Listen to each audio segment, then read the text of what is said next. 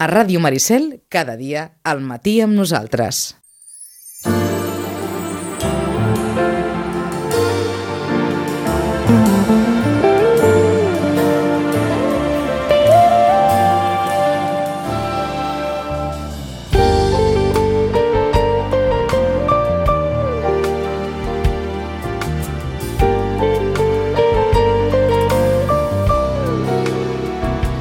Doncs eh, primera hora d'Europa d'aquest 2019, Joaquim Millan, des d'Eurolocal, bon dia. Molt bon dia, com tu deies, any electoral sí o sí. Any electoral sí o sí, del que es parlarà poc de les eleccions europees, perquè amb, amb la que està caient és eh, en l'últim en el que pensen eh, eh, els mitjans, unes eleccions europees que són eh, importants, són força eh, transcendents, però que probablement estaran a la cua de totes les preocupacions, eh, fins i tot els mateixos partits polítics, malgrat que les volen també eh, legítimament doncs, eh, encabir estratègicament. Amb, aprofitar. A partir, aprofitar, a partir aprofitar. de, cada, de cadascú.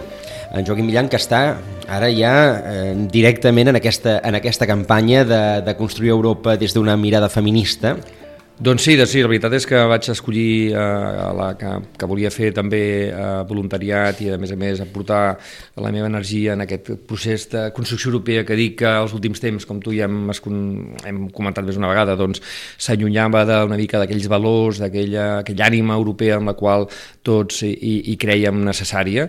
I per tant vaig agafar un tema que em van proposar, vaig pensar que era una bona cosa poder fer una campanya sobre un tema concret, amb un col·lectiu concret, amb unes demandes concretes, al final s'han de concretar concretar coses, perquè tu, com bé deies, el tema europeu a vegades és molt genèric i dir, bueno, està molt bé, tothom és europeista, però la veritat tampoc saps molt bé el que vol dir, saps, no saps molt bé com funciona Europa i tampoc saps identificar demandes concretes que creguis que a nivell de les institucions europees o el Parlament Europeu, que és la institució que renovarem el proper 26 de maig, et puguin resoldre. Hi ha un desconeixement. En canvi, és molt més fàcil saber que bueno, el meu alcalde o alcaldessa, jo li demano això aquí a Sitges i com a mínim, igual a vegades no és ni tan sols competència de l'Ajuntament, però tu eh, d'alguna manera empenys i pressiones i, i vols que el teu alcalde o alcaldessa mogui fitxa en, en aquest àmbit perquè penses que t'afecta personalment. Llavors és molt més senzill, més proper i molt més directe. Per tant, jo vaig, vaig pensar que era una bona cosa agafar una campanya concreta i realment estem molt contents i contentes perquè eh, sincerament eh, veiem que hi ha també una sensibilitat amb la majoria de la ciutadania sobre aquesta qüestió. També eh, s'entén que aquesta qüestió és un tema que cal resoldre a cada, a cada, a cada àmbit, eh, municipal, Generalitat i estatal, però també, evidentment, sabem que les polítiques europees són les que d'alguna manera acaben manant eh, arreu, no? arreu dels, a tots els altres nivells eh, político-administratius i, per tant, eh, bueno, poder incidir a, a les eleccions europees i amb la política europea és fonamental com a mínim perquè aquest mínim comú denominador no baixi i en tot cas intentar que amb la propera legislatura, els propers cinc anys, es millori. I, i faig una, una cunya amb el que tu deies abans, que és veritat que la percepció és que aquestes eleccions europees, bueno, com que hi ha les municipals, doncs no són properes i per tant no són tan importants, però en canvi, quan parlem així a tertúlia de cafè, eh, i veiem el que està passant eh, a les eleccions a Andalusia o el que pot arribar a passar a les properes eleccions, tots fem referència al que està passant a Europa, inclús diria doncs, bueno, una mica el que està passant al món, les tendències ideològiques com estan canviant i també com s'està fent política d'una manera molt diferent a la que estàvem acostumats fa 5, 10, 15 anys, no gaire més. Uh -huh. uh, heu escollit aquesta campanya eh, precisament ara que fins i tot s'està arribant a qüestionar eh, el mateix concepte de les polítiques de gènere. Bueno, ja ho hem vist amb, amb algunes propostes uh, d'aquests partits que en, en diuen o en, diu, en diem democràtics perquè evidentment doncs, s'han doncs, pogut presentar unes eleccions uh, com qualsevol altra competint i per tant han guanyat una sèrie de vots que els hi han donat doncs, una sèrie d'escons, en aquest cas el, en el, el Parlament andalús, però que evidentment després defensen coses que per mi són qüestionables, uh, com pot ser que bueno, doncs no es cregui amb la igualtat de gènere com una de les polítiques que amb les quals hauríem d'estar cada dia. O sigui, hauríem de normalitzar, no hauríem de parlar de política de gènere perquè hauria de dir que hauríem normalitzat, però desgraciadament no estem així i en tot cas eh, és una, una eina de negociació, amb la qual a mi sincerament em decepciona com a persona i com a eh, ciutadà, no? Doncs, eh, si et sembla, passem a ja a saludar el nostre primer eh, tertulià d'avui, el senyor Oriol Lázaro. Senyor Lázaro, bon dia. Bon dia.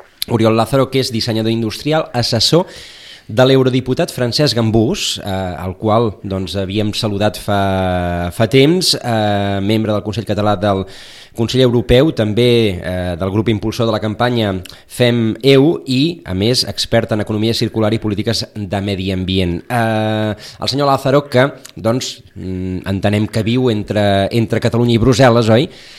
Eh, en tant que assessor d'un europarlamentari. I en Joaquim em, em comentava, mm, més enllà de, de, de parlar de, de qüestions de política concreta, que, que, que en algun cas també la, les podem esmentar, també també seria interessant, tenint en compte que, que tenim això, un assessor d'un eurodiputat, eh, explicar alguna, alguna de les qüestions sobre, sobre com funciona el, eh, el, sistema, el sistema Europa, aquest sistema, aquest sistema burocràtic eh, de, que a més a més doncs, des del punt de vista de, del ciutadà és, eh, eh, es veu cada cop més, més llunyà i sobretot el, el, el concepte del lobby eh, em, em comentava en Joaquim de, de dir, a veure mm, què és un lobby? Un lobby és legal i, i fins a quin punt doncs, aquests lobbies eh, tenen i han de tenir influència sobre la gent que pren les decisions, que no només és la Unió, sinó que també són els europarlamentaris. Perfecte. M'introdueixes un tema en el qual hem, hem hagut de treballar fort. Uh -huh. Perquè des d'aquí, el fet de que la paraula lobby eh, passi ser el dimoni és un hàndicap a nivell de país.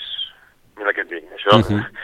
eh, ho, acabem, ho, ho vam començar a descobrir a principi de legislatura, és una tasca que no havíem desenvolupat fins al moment, però, però ara ho tinc claríssim, que el fet de no saber fer lobby des de Catalunya, a tots els nivells, no, ja no dic polític, sinó em refereixo a tots els sectors, eh, productius, eh, això merma la capacitat d'influència en les polítiques i que al final acaben influint també en el, en el desenvolupament de la producció. Si vols m'explico. I tant. En el fons, un lobby, un lobby és la versió segle XXI del que abans en dèiem gremis. Mm -hmm. És una agrupació per interès, per interès d'un sector, per defensar uns interessos comuns.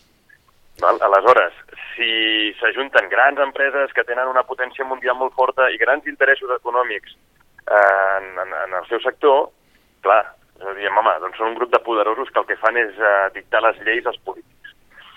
Doncs eh, el que hauríem d'aconseguir és tenir altres lobbies que contrarrestin aquests. Perquè en el fons el polític es dedica a legislar, que vol dir fer lleis. I com les fa? No, no les fa per intuïció, sinó que les fa buscant informació i la tasca d'aquests lobbies és fer arribar la informació al polític perquè faci unes lleis correctes. Uh -huh. Aleshores, si tens eh, la gran empresa automobilística que sempre es diu no? que influeix molt i que per culpa d'això doncs les lleis eh, a vegades no són prou adequades en quant a la, voler avançar a nivell de prevenció del canvi climàtic i eh, mediambiental, d'acord? Doncs, eh, però aleshores siguem conscients que el que també és un lobby i mai no es diu és, per exemple, Greenpeace o ser per Life. Això també és un grup d'interès i també apreten molt els eurodiputats i a tots els legisladors com han de fer, com han de fer. Val? I per què? I per què? què? Volia situar això sí, perquè, sí, sí. perquè entenguem què vol dir lobby. Aleshores, per què, per què en, en la cultura política catalana i espanyola eh, mm. es veu de manera gairebé pejorativa aquest concepte? El senyor del maletín, no? Sí. Sí, exacte.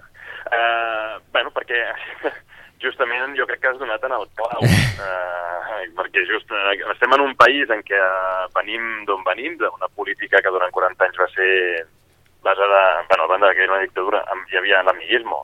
Si eres amic de qui tocava, doncs eh, tu aconseguis el que volies, i per ser amic moltes vegades et feia falta un maletín o dos. Doncs uh -huh. això suposo que va influir tant en la manera de fer que s'ha arrossegat, i per això tenim tants casos de corrupció. I aquesta corrupció ha fet que volguéssim ser més puristes i que això ho demonitzéssim, però a l'hora de sortir a Europa a negociar directives ens ha marmat molt. Fins al punt que, per exemple, les eh, directives eh, forestals, gestió forestal, no contemplen en cap cas la, les característiques dels boscos mediterranis. Val? És una cosa en la que vam treballar amb l'eurodiputat Gambús just començar la legislatura, ens hi vam trobar i, i clar, bé, nosaltres vam anar a fer reunions amb els nòrdics perquè el primer que van fer els finlandesos va ser trucar a la porta de l'eurodiputat per fer lobby, Uh -huh. i aquest és un tema que també volia introduir, lobby d'estat. Ja. Atenció, aquí van venir, va venir l'Estat, no va venir ja només el sector forestal, sinó que va venir un representant a parlar amb l'eurodiputat per dir-li, escolta'm, t'ha tocat fer una opinió d'un informe sobre gestió forestal i l'estratègia forestal europea. Et volem explicar com s'ha de fer. I, clar, nosaltres vam dir, bueno, tu m'explicaràs la teva visió, però ens vam molestar, entre cometes, anar al nostre territori, preguntar, parlar amb l'Associació de, de Propietaris Forestals, parlar amb el Centre Tecnològic Forestal que està a Solsona, a recopilar informació, i vam veure que totes les directives europees estaven enfocades als boscos nòrdics, que són gent que quan els hi parles de que els boscos es cremen, et diuen que no. Perquè ells fins, fins aquest estiu passat, que van tenir una sequera brutal, no s'havia cremat cap bosc de Pirineus cap al nord. Val? Per tant, és molt important tenir aquesta capacitat i aquesta voluntat de fer lobby, però ja no només com a, com a sector, com dèiem abans, sinó ara que, aquest, aquest concepte que ha introduït també d'estat o de regió. És molt important. És a dir, en la, en la cultura política europea, com mm. la percepció que tenim de la cultura política americana, on aquest concepte està eh, extremadament institucionalitzat, eh, no és negatiu ni molt menys. No, és, eh, eh, no es veu malament que un grup de pressió pressioni amb arguments, òbviament no amb malatins, amb arguments, a un, a un determinat polític. Jo crec que aquí està la diferència, aquí s'entén una mica més tant com la compra de voluntat i a nivell europeu s'entén com convèncer la voluntat, és a dir, com convencem la voluntat, uh -huh. mm? i per tant, bueno, els arguments també s'ha de veure que no són tots sempre neutrals, eh? Uh -huh. uh, això ja ens ho deia ara l'Oriol, però sí que és veritat que, uh, bueno, i a més a més jo crec que és més transparent, no sé, mm, la paraula transparència que aquí ara està molt de moda, no sé si amb el cas del lobby, Oriol, no sé, com, sí. com, com està muntat això, els, el lobbies exactament? Com, com, com un s'identifica, com fa? Com va? Perquè eh, justament a, a nivell europeu, com que hi havia molta suspicàcia per si corrien malatins o no, doncs el que s'ha impulsat en aquesta legislatura és el registre de la transparència dels lobbies. És un, un registre on t'has d'apuntar sí o sí si vols poder reunir-te amb un eurodiputat si no estàs en aquest registre de lobbies, no tens eh, diguem, dret a demanar cita a un eurodiputat per explicar-li els teus arguments. I els eurodiputats estan obligats a tenir la seva agenda política i de reunions pública i publicada. O sigui, accessible per tothom, sempre, uh -huh. en tot moment. No? Que sàpiguen amb qui s'ha reunit i, i aleshores, a partir d'aquí, si tu veus coses estranyes en la seva manera de legislar o de, en els seus vots o canvis de, de vot que no s'entenen, eh, bueno, però aleshores ja aquí pots començar una suspicàcia. Però tot ha d'estar públic i publicat. Per tant, eh, i, i aquí a Catalunya també ja s'ha iniciat tot, ja hi és, eh, també aquest registre, i, i s'està fent passes cap a, cap a normalitzar això del lobby. Hi ha una cosa molt, molt, molt fàcil d'entendre. Eh, en Gambús és titular d'una comissió que es diu eh, Medi Ambient, Energia, bueno, Medi Ambient, eh, Seguretat Pública i, i Seguretat Alimentària. O sigui, no, no pots ser un expert en aquests tres camps. O sigui, si, si en saps molt de salut pública, potser no en sabràs tant de seguretat alimentària, si és que en saps alguna cosa. Però és que, a més a més, és suplent d'una altra comissió que es diu eh, Indústria, Energia i Recerca. No. Doncs, escolta'm, ara sí que hi ha expert en tot, impossible. Uh -huh. Per tant, què et cal? Et cal que els experts de debò t'orientin. Però, ah. clar, que tingui un expert eh, de les químiques, que està molt bé, però també necessites anar a buscar l'opinió de l'expert eh, mediambiental. I, i, I aquesta és la tasca dels lobbies. Eh, és, eh, així, aquí és on anava jo a parar. Eh, si jo mateix, que no sóc un expert en, en químiques, em, em reuneixo amb un expert en químiques, que és membre d'un lobby, probablement tindrà prous arguments per convèncer-me. I, per tant, uh -huh. Mm, la meva feina en aquest sentit seria buscar com a mínim, com a mínim, uh -huh la, la controvèrsia o l'opinió, no, si, no, no sé si contrària, però com a mínim contrastada respecte del que m'ha explicat el primer. Sí, sí, sí, és així. I a més a més, per si els eurodiputats no ho fan a nivell particular, el que es fa quan s'estan uh, fent informes a nivell de comissió parlamentària, uh -huh. eh, les comissions que he comentat que, que, que existeixen, doncs uh, el que es fa són que se'n diuen hearings. O sigui, que es, es citen a experts de diferents, de, diferents àmbits, la, la, o sigui, que, que tinguin relació amb l'informe que s'està treballant, es citen en el Parlament Europeu uh -huh. perquè expliquin i exposin eh, sobre el tema de l'informe la seva opinió i les seves recomanacions. I, i en, aquesta, en aquesta ocasió, si quan es fa això, també citen eh, diferents punts de vista sobre el mateix tema. No? És, és molt important perquè, el, com dèiem, no pots saber de tot, i com tu bé dius, s'ha de tenir una, una opinió, diferents opinions, o sigui, una, molt, molt ampli, un espectre molt ampli per aconseguir lligar un redactat que realment sigui just per uh -huh. cada sector. Ah, perquè estem anant molt més enllà del canvi ideològic, estem anant fins i tot a, a, molta, a moltes qüestions tècniques que fins i tot, eh, eh, o, o el que heu comentat ara, eh, clar, el box mediterrani bàsicament ens afecta a nosaltres, els nòrdics no. I aleshores, Exacte. independentment de que siguem de dretes o d'esquerres, el box mediterrani ens afecta a nosaltres, els nòrdics no. Sí, sí, és així. I aquí et un exemple. Un altre, un altre exemple és la pesca atlàntica o la mediterrània. Clar, correcte. Totalment oposades. Uh -huh. Doncs són, són, tens una directiva de pesca que està pensada pels atlàntics. Uh -huh. Aleshores, els mediterranis, amb molta menys potència industrial en aquest sector, queden en segon terme. Fins a quin punt ens estem posant les piles en això? És a dir, en, en aconseguir agafar una miqueta de, de capacitat d'influència sobre les maneres com es decideix a la Unió? Pregunta delicada.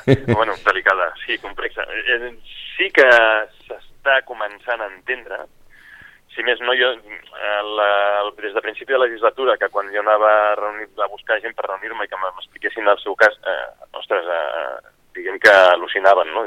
Un dia vostè ve a preguntar-me coses. En canvi, ara ja hi ha més gent que ve a buscar-nos. Ja, ja ens contacten. Abans havíem d'anar a buscar tothom, ara ja, ja, ja hi ha gent que, que, que se'ns apropa, tot i que hem de seguir anant a buscar opinió. Eh? Mhm. -huh.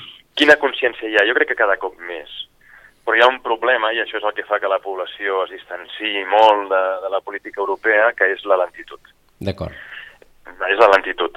Una opinió d'algú que jo em pugui reunir avui, potser, en el millor dels casos, eh, es veurà plasmada en un article d'alguna directiva o d'una directiva, en, en millor dels casos potser d'aquí quatre anys, i d'una llei eh, estatal, en millor dels casos, d'aquí sis anys.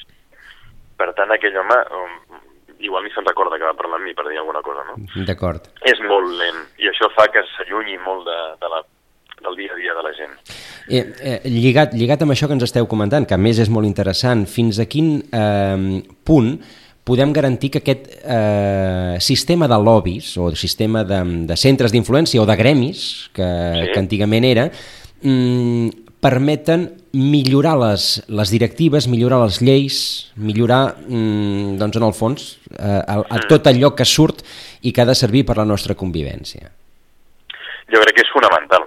Crec que és fonamental. I, i més és fonamental el que hem comentat abans, que n'hi hagi de les dues bandes. Uh -huh. uh, es va fer la comissió, aquesta legislatura hi ha hagut una comissió feta espessa pel tema de les emissions va, es va investigar tot el tema del Volkswagen, les emissions i tot plegat. I, i tot això també va lligat a, les, a, a tot el tema de l'economia circular i de com reduir emissions, com forçar la indústria. Si tu et reuneixes amb els mediambientalistes, et diuen emissions han de reduir-se en un 70% i, de, clar, s'entén, sí, hem d'aconseguir això, però si et reuneixes amb la indústria de l'automòbil, diu, bueno, pues tanquem tots la, la paradeta i aquí mitja Europa es queda sense feina. Uh -huh.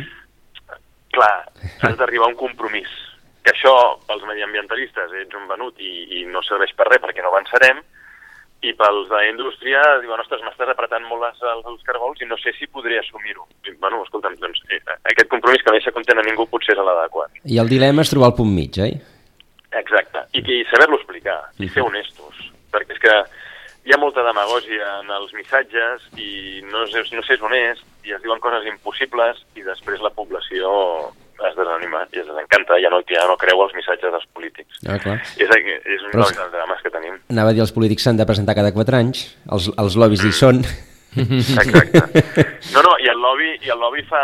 Els lobbies bons, diguem, els que ja fa molts anys que treballen, sempre han treballat a llarg termini, amb la visió posada no a 3, 4, 5 anys, sinó a 10 i 15, que és en realitat la, la, el temps en què els canvis acaben sent efectius a nivell europeu. Bueno, I marques tendències reals, és a dir, en un moment donat tu dius clar, jo arribo, intento veure i veig que la poder la política pesquera és més, té un accent més atlàntic que mediterrani, bueno, però això no és producte de 3-4 eh, mesos ni tan sols 3 o 4 anys, sinó que és el producte de molt de temps i que acaba allò, aquell, aquell accent acaba entrant en una part molt important que la gent desconeix perquè la gent ens donem compte de la legislació justament quan hi ha el titular al diari, s'està a punt d'aprovar, demà hi haurà la votació, però clar, igual això ha començat fa 3 anys on la gent no és conscient que aquest origen és justament molt important perquè marques una mica quasi quasi el territori després del debat, no?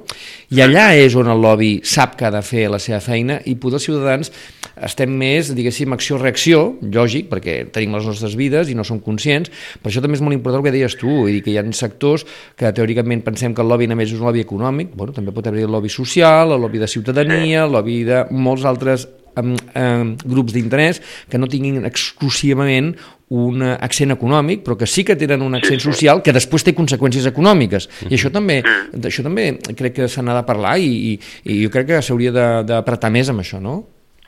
Sí, sí, jo, jo crec que fer, fer lobby eh, és una cosa bona, perquè, el, per exemple, ara que has tocat el tema social, eh, la taula del tercer sector és el lobby de, de, del, del tercer sector, justament, i, i la tasca que fa és molt important.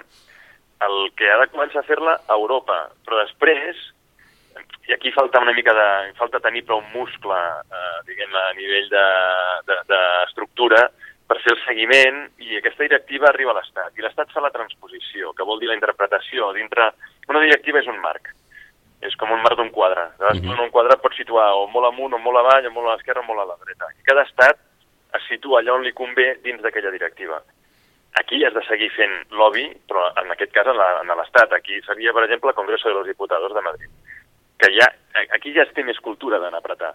Però després d'això passa a ser un reglament a la, a la pròpia autonomia i aquí també és de tenir en el, en el, el Parlament de la regió doncs, seguir fent aquesta tasca de que sempre anar perseguint i curant de que la, la, la, la, llei acabi ajustant-se al que necessita cada sector.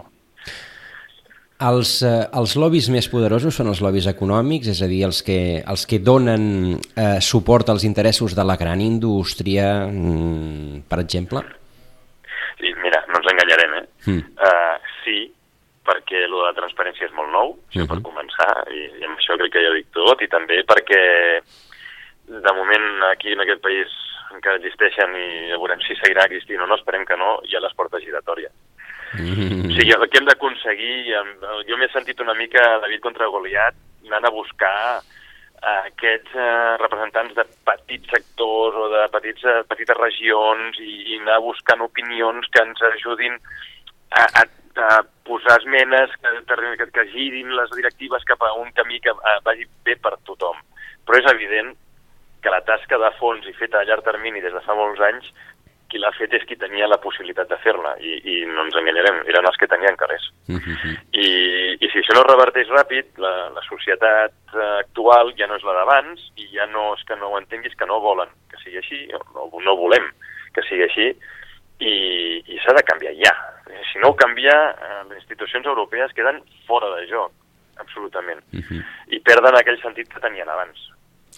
Uh, S'està acabant la, la legislatura um, i, i a partir de l'experiència de l'assessor d'un eurodiputat que, que ha estat allà, que, que ha vist com, com funcionen les coses, que ara ens acaba de parlar doncs, això de, de reunions amb sectors molt concrets, uh, ens ha anat molt bé aquesta, uh, aquesta qüestió dels boscos, perquè és gairebé metafòrica de com, de com es funciona.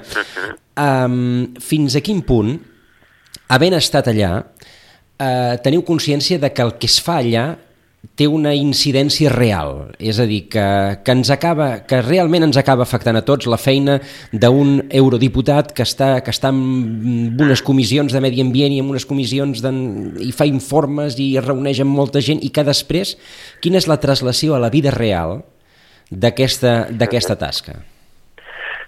Bé, jo et dic que a curt termini uh -huh. és pràcticament frustrant, Imagina. perquè el propi eurodiputat, eh? vull dir, bueno, -huh. per, més no, jo com a assessor ja parlo per mi, uh -huh. perquè per molt que hagis tancat, que hagis eh, recorregut quilòmetres, que hagis parlat amb molta gent, eh, costa de veure-ho, costa de veure-ho, perquè els processos, com he dit al començar, els processos europeus són molt lents. Una tasca molt important que hem fet aquesta legislatura és el tema de l'economia circular. Uh mhm. -huh. Només començar ja es va presentar un paquet de quatre directives de residus que se'n va dir el paquet d'economia circular i el que es feia era una mica revisar-les i orientar-les cap a augmentar els, les taxes de reciclatge i millorar tot el... i de, disminuir el percentatge de residu que havia d'anar a l'abocador, una mica tot, revisar-ho tot de cara a, a disminuir els residus. Uh -huh. Aquesta tasca va ser molt important, vam parlar moltíssima gent, s'ha tirat endavant, pum, pum, pum, es va aprovar en temps rècord, però ara falta la transposició als estats. I això, com a mínim, aquí a Espanya segur que triga els dos anys que, de rigor que, que té. Si tenen marge, tenen dos anys de marge i normalment aquí s'esgoten. I després falta fer el, un cop s'aprovi aquí, falta fer el reglament i, i després que, que s'apliqui. És, és, és llarg, és molt llarg. Ara, estic convençut que d'aquí cinc anys, si tenim aquesta conversa, eh, ostres, això haurà evolucionat cap a un camí i els informes que hem anat aprovant hauran anat tenint el seu recorregut i, i ja tindrà més sentit tenir aquesta conversa. Mm. O sigui, aquesta pregunta. Ens, ens estem imaginant que eh, al final la percepció és eh, jo poso la llavor i quan això broti probablement sí. ja estaré molt lluny de Brussel·les, oi? Sí, sí, sí, és així. De fet, mira, una, una, un exemple, el, el del roaming. El roaming, teníem roaming mm. a tota Europa, pagaven cada cop que sortien de la frontera. Ara, si estàs dins de la Unió Europea, eh, ja no hi ha roaming, sí. la taxa és la mateixa. Això es va aprovar a mitjans d'aquesta legislatura, uh Mhm. -huh. però que es va començar a treballar eh, no a, a l'anterior, sinó a finals de l'anterior, de dues legislatures enrere. Es va posar sobre la taula. Sigui, és un tema que es va haver de negociar, es va haver de... hi havia molts interessos econòmics al darrere de les, telefon... de les grans companyies, Mm. però, però en canvi també hi havia el lobby dels consumidors que apretava fort per l'altra banda. Per tant, eh, vale, va tirar endavant, va prosperar, però coi, li va costar eh, sis anys ben bons poder tirar endavant. És a dir, el qui, eh, el qui té la idea no veu el naixement. Exacte. Normalment és així. Qui planta la llavor no veu créixer la planta. Ah, ah, ah. O sigui, si més no ho veu a la distància. Eh? És, és així. I, i, i, és, I fins que això no s'entengui, doncs, eh, o, o fins que la, la població això no, no, no li arribi nítid, no s'entendrà. I, en canvi, el que, el que es fa normalment és tot el contrari. Des de les polítiques estatals o regionals, eh, el que es fa és... Um, escolta'm, hi ha una cosa bona, me penjo la medalla perquè això jo ho he impulsat, eh, per exemple, la contractació pública ara te pot eh, puntuar molt més que abans eh, si el contracte té una vessant social, Uh -huh. més que no pas un benefici econòmic. Llavors, qui, qui aprova això es penja la medalla, però és que això ve de Brussel·les. O sigui, ja, fa, ja fa més de dos anys que hauria d'estar això aprovat i s'ha aprovat fora de termini, que ens hauria de fer vergonya. En canvi, eh, si resulta que la política... Bueno, que, que hi ha un grapat d'immigrants que el, a nivell humà és una vergonya el que s'està fent, Uh -huh. les culpes es tiren cap a Europa, quan en realitat la Unió Europea no té cap competència en matèria d'immigració. Són competències estatals, ho hem, ho hem comentat més d'una vegada en aquest programa. Uh -huh. Això, això què fa? Això què fa? O sigui, això és demagogia pura i això el que fa és que la gent digui, hosti, tu, Europa, per què la vull? Per què em serveix a Europa si no tracta bé els immigrants? Tal. I a més jo ja tinc un governant supercollonut que m'ha aprovat una cosa de, d'accent social que ja m'agrada. No? I, i, no, I no saben que bé, no se sap, perquè no tens l'obligació d'anar fent el seguiment de, de què s'ha aprovat i què no s'ha aprovat a Brussel·les. No se sap, s'explica malament, i la gent comença a estar molt emprenyada o molt cansada i, i acaben passant accidents com pot ser el Brexit. Uh -huh. Que un demagog, fa un discurs mm, fàcil i crisaner i, i acaba passant un accident. És, és així. Té un punt frustrant, això que ens esteu explicant, eh? Sí, sí, però i, a veure, la, la, la cosa és que jo crec que hem de recuperar amb molta honestedat, o sigui, parlar clar, la gent, eh, jo crec que tots som prou grandets per entendre les coses quan se'ns expliquen, i a partir d'aquí tothom recuperarà la, la confiança un altre cop en el projecte europeu, que sobretot sobretot s'ha de basar en, en, en, els, en els valors que encarnava fa temps enrere. El Gamús, molts cops, quan anem a escoles o quan fem xerrades eh, sobre la Unió Europea, ell comença dient que és un gran projecte de pau, la Unió Europea. En aquest eh, continent eh, ens esbatussàvem dia sí, dia també. Hi havia les guerres des de 30 anys, de 100 anys, la Primera Mundial, la Segona Mundial. Aquí hi ha hagut morts a milions. I, en canvi, des de que la Unió Europea bueno, va començar amb la CECA, després va ser la, la Comunitat Econòmica Europea, tot plegat ha anat evolucionant i ha anat creixent i tenim pau. Això és molt important. I, i els valors, i, i, la, i recordo, els meus pares m'expliquen que, ostres, des de Catalunya es volia ser europeu i era un mirall no? de, de, de, de, de progrés, un mirall de societat, i això s'està viciant i s'està cremant. Jo crec que s'hauria de recuperar eh, aquella, aquella Europa, aquell projecte que hi havia. Uh, interessant. Qui se'n recorda ara del discurs dels pares fundadors, oi? Exacte, Oriol... exacte. sí senyor. Oriol, sí, sí, sí. Oriol Lázaro, moltíssimes gràcies uh, per, per aquesta estoneta. Hem començat parlant de lobbies i al final hem acabat reflexionant en veu alta, oi?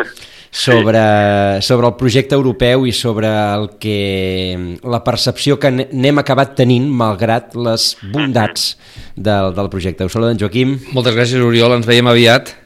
Molt de no, de vosaltres, gràcies a vosaltres. Adéu, bon dia. Adéu, bon dia.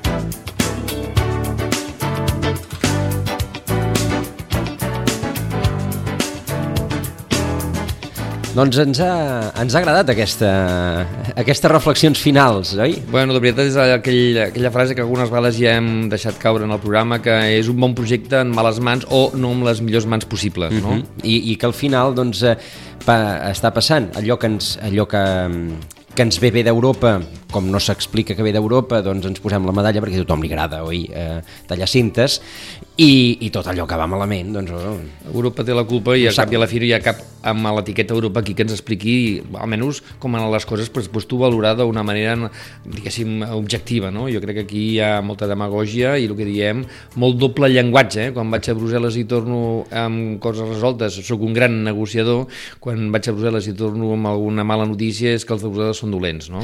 Doncs eh, acabarem aquests 10 minutets que ens falten de l'hora d'Europa d'avui per eh, saludar uns dels nostres eh, contertulians habituals, eh, el, el president del Consell Català del Moviment Europeu, el senyor Xavier Ferrer. Xavier Ferrer, bon dia. Bon dia. Um, any electoral, oi? Ja l'hem començat, ara sí que ho podem dir, estem en any electoral. Estem a l'any electoral eh, per molts motius. Primer, uh mhm. -huh. si parlem de temes d'Europa, doncs perquè hi ha eleccions al Parlament Europeu, uh mhm. -huh. però al mateix dia hi haurà eleccions també municipals i eh, a nivell d'estat espanyol amb totes les comunitats, menys quatre, eleccions eh, autonòmiques. Per tant, això, si no hi ha o no s'avancen les generals o, o les catalanes o a veure què passa amb les andaluses. Per tant, estarem distrets. Estarem distrets i... i... Distrets i, i també eh, hem d'estar amatents a que és molt important especialment a les europees, que són les que una mica la ciutadania les veu més lluny, de que es vagi a votar. Mm. Que, I que es voti per partits democràtics. Cadascú que voti qui vulgui, però per partits democràtics.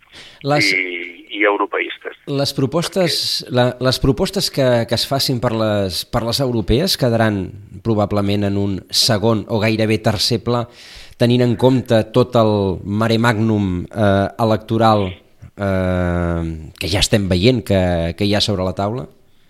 És probable, i en el cas doncs, que tenim més proper, doncs, eh, a Catalunya, doncs, que viu la situació que viu, doncs, les municipals també seran, eh, en alguns llocs, doncs, eleccions com, com de país, per tant, tendiran a tapar a les europees. Però, per altra part, també és veritat que el cel mateix dia doncs, provocarà eh, farà que, que la gent que ja estarà predisposada a votar també voti per les europees i, per uh -huh. tant, jo entenc que si vol votar per les europees, doncs eh, també s'informi de lo que, de lo que es vota de lo que es votarà.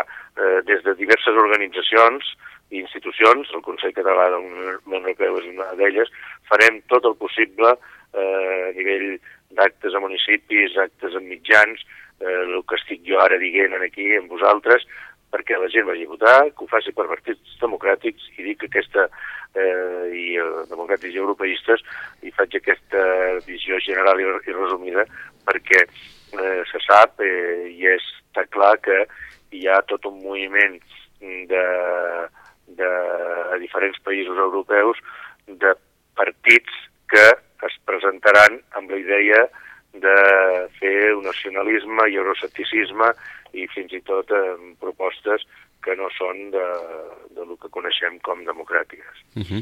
uh, això, doncs, probablement provoca, provoqui un perill, que al final doncs, uh, acabin uh, utilitzant-se les eleccions europees com una mena d'eina estratègica per part de moltes formacions, també de les democràtiques.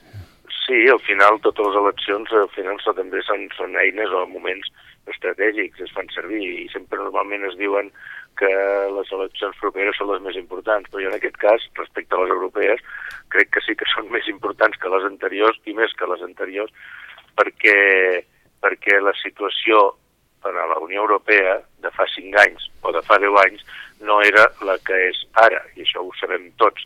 Ara hi ha governs eh, eh, diferents estats de, de la Unió Europea que tenen eh, governs de dreta però amb el suport de l'extrema dreta. És aquesta extrema dreta que és antieuropeista i xenòfoba i, i amb molts condicionants que fins fa poc veia les eleccions europees com, com unes eleccions més i que si podien accedir-hi doncs era com un element de propaganda interna al seu propi país, però ara se sap que eh, amb estrategues que ja Bannon, que havia estat amb la campanya de Trump, doncs, eh, aconseguiran o volen fer doncs, un projecte comú, evidentment cada un en el seu país, però per mirar si fan un grup parlamentari important i incidir en la nova Europa des del Parlament Europeu. I, per tant, és aquest, eh, aquesta, només ja només aquesta consideració hauria de fer moure la ciutadania per, perquè el dia 26 de maig, en l'àmbit de les eleccions europees, es vagi a votar per, com dic jo, jo crec que es pot entendre, per partits democràtics i europeistes.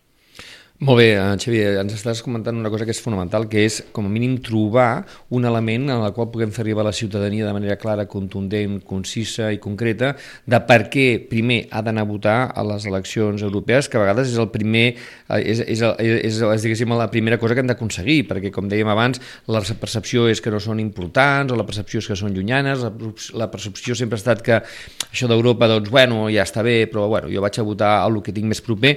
Per tant, jo crec que el primer que hem de trencar trencar és que la gent vagi a votar de la mateixa manera que aniran a votar les, les municipals, per exemple, o en algunes altres les autonòmiques, també a les eleccions europees, Saps tu si realment el que les europees coincideixin amb eleccions municipals i eleccions autonòmiques fa que també es voti més a les europees? Això seria una primera cosa que m'agradaria si tu ho saps. I segona cosa és, a banda d'aquest missatge, eh, què creus, quins 3-4 punts són fonamentals que puguem anar explicant a la ciutadania el per què aquestes eleccions europees són lo suficientment importants perquè es plantegin anar a votar eh, el 26 de maig? Bé, la primera pregunta és, és obvi que sí, perquè, perquè unes eleccions municipals, que són les més properes, doncs inviten a anar a participar i un cop estàs allà, doncs, com que també se sabrà que hi ha les europees, doncs ja hi ets, no? Eh, en altres moments que no hi ha coincidència, doncs, eh, el, tot el camí d'anar a votar és només per, per les europees. Per tant, en aquest cas, jo eh, entenc que, que sí que hi haurà un increment de participació substancial, però hem de mirar que aquest increment de, de participació en les europees sigui, i ara respondria a la segona, a la segona pregunta, que, que d'alguna forma és el que també ja he dit, ja he dit abans, no? eh, són importants, eh, és important anar a votar per evitar que eh, partits eh, d'extrema dreta, xenòfobs i fins i tot que consideren la, la qüestió de gènere doncs, eh, que s'hauria de retirar, això sol en, en l'àmbit doncs, de, del col·lectiu feminista, per dir-ho així, o femení, i, i, i també masculí, però també perquè és l'interpel·lat, doncs hauria de, de fer votar. Jo sé que hi ha moviments que s'estan que s'estan, que tu aquí estàs amb, treballant-hi, eh, en què a mobilitzar també doncs, tot aquest diguem, sector i fer veure a la societat la importància de, de la igualtat de gènere. No? I després també són importants perquè cada un, des del seu àmbit diguem, democràtic i d'idea política, ha de saber que, i això també no se sap prou bé, que les decisions que es prenen de Brussel·les, a les quals el Parlament Europeu hi té incidència i la incidència de línia política que agafen és en funció dels de grups majoritaris que surten de les pròpies eleccions, doncs eh, arriba en els estats, en forma de lleis estatals o de directives, eh, i afecten un 85% més o menys de la vida dels ciutadans. Això no se sap. O sigui, el que es vota a les eleccions europees és molt més important de lo que, de lo que la ciutadania percep. I això és el missatge també que hem de fer arribar. Concretament ho diríem, dos, de, per resumir-ho, eh, anar a votar per partits, repeteixo, no em cansaré i ho faré més democràtics i europeistes, d'una banda, per evitar l'ascens de l'extrema dreta i de partits euroescèptics, i de l'altra, doncs, votar eh, cada un amb la seva idea perquè prengui consciència la gent de que el que realment vota després es torna, les majories que es formen a Brussel·les, en el Parlament Europeu, tenen incidència amb les lleis que finalment afecten a la ciutadania europea, uh -huh. la, de cada, la de cada país. De tota manera, aquesta no serà la primera legislatura en la que eh, els grups mm, amb caire euroscèptic eh, tenen una força important ja dintre del, del Parlament Europeu. Marine Le Pen havia estat eurodiputada, Nigel Farage em sembla encara ho és, uh -huh. o sigui sí, que... Però, però, però tenien, tenien una, i, i una incidència eh, relativa o mínima uh -huh. i, i era més mediàtica que, que és el que també ho utilitzaven i ho utilitzaven per consum intern del seu propi país. Ara se sap que hi ha una idea d'anar organitzats a nivell europeu i formar un, un grup, diguem, antieuropeu cohesionat a dintre.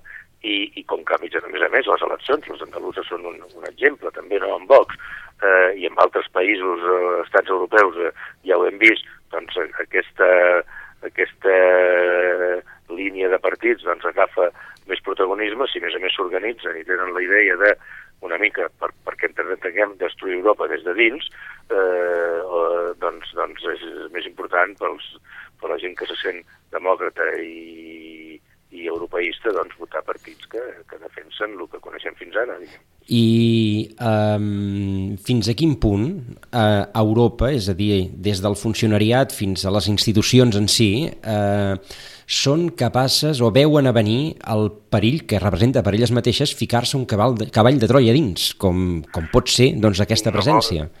No, ho, ho, ho saben, eh, en són conscients i a més a més estan fent accions per, perquè, per donar a conèixer aquesta realitat, que és la que jo explico ara, sí, no? Sí. I, i, i, i ho veurem dintre d'aquests d'aquests eh, cinc mesos que falten per les eleccions. De fet, en el, el dia 28 de, de gener, al Parlament de Catalunya, el Consell Català del Moviment Europeu, fem una jornada anual que es fa sobre temes, diguem, europeus importants i aquest any tractem el tema de la, de la, de, de la importància de les eleccions al Parlament Europeu i ve el cap de comunicació del Parlament Europeu, que és un català, el Jaume Duc, i es desplaça aquí per bueno, explicar i, i segur que altres eh, membres o, o eurodiputats o del Parlament Europeu ho faran. O sigui, les institucions europees estan molt sensibles i sensibilitzades amb, amb la situació actual i, i van, diguem, en aquest camí. Doncs... Jo crec que poder també per primera vegada no només estem jugant unes eleccions europees, sinó ens estem jugant més que mai quina Europa ens vindrà els propers temps, tenint en compte que la que ja que estem deixant d'aquests últims anys ja no ens està agradant. Per tant, jo crec que és important que la gent sigui conscient perquè votarem pels propers 5 anys. Eh? Poder dintre 5 anys ja no reconeixerem aquesta Europa. Ara no ens agrada, però dintre 5 anys igual no la reconeixem. Per tant, és molt important eh, que la gent sigui conscient que ens estem jugant el model eh, d'Europa i sobretot a la democràcia que avui coneixem. Sí, sí. Doncs... No, però aquesta, aquesta democràcia que coneixem i, i que és veritat que s'han de canviar coses i cadascú té les seves idees de canviar-les però si, si, ha, si es juga dintre del joc democràtic tindrem possibilitats de canviar-la. I les institucions europees i els funcionaris europeus també han de ser conscients de que s'han de fer uns canvis. Però això no treu de que es poden fer des de l'àmbit democràtic, cosa que si hi ha un grup important, diguem, d'extrema dreta, que domina el Parlament, doncs serà, això serà molt més complicat. Serà molt més complicat. Doncs, eh, Xavier Ferrer, moltíssimes gràcies de nou. N'anirem parlant els propers mesos, òbviament, a partir de com es vagin desenvolupant eh, aquestes setmanes que ens acostaran a les eleccions europees. Us saludo, Joaquim. Una abraçada, Xavier i Joan. Ens veiem el mes que ve. Moltes gràcies eh, a tots dos. Gràcies. I a tots vostès ho deixem i després més coses. Fins ara. A Ràdio Maricel, cada dia, al matí amb nosaltres.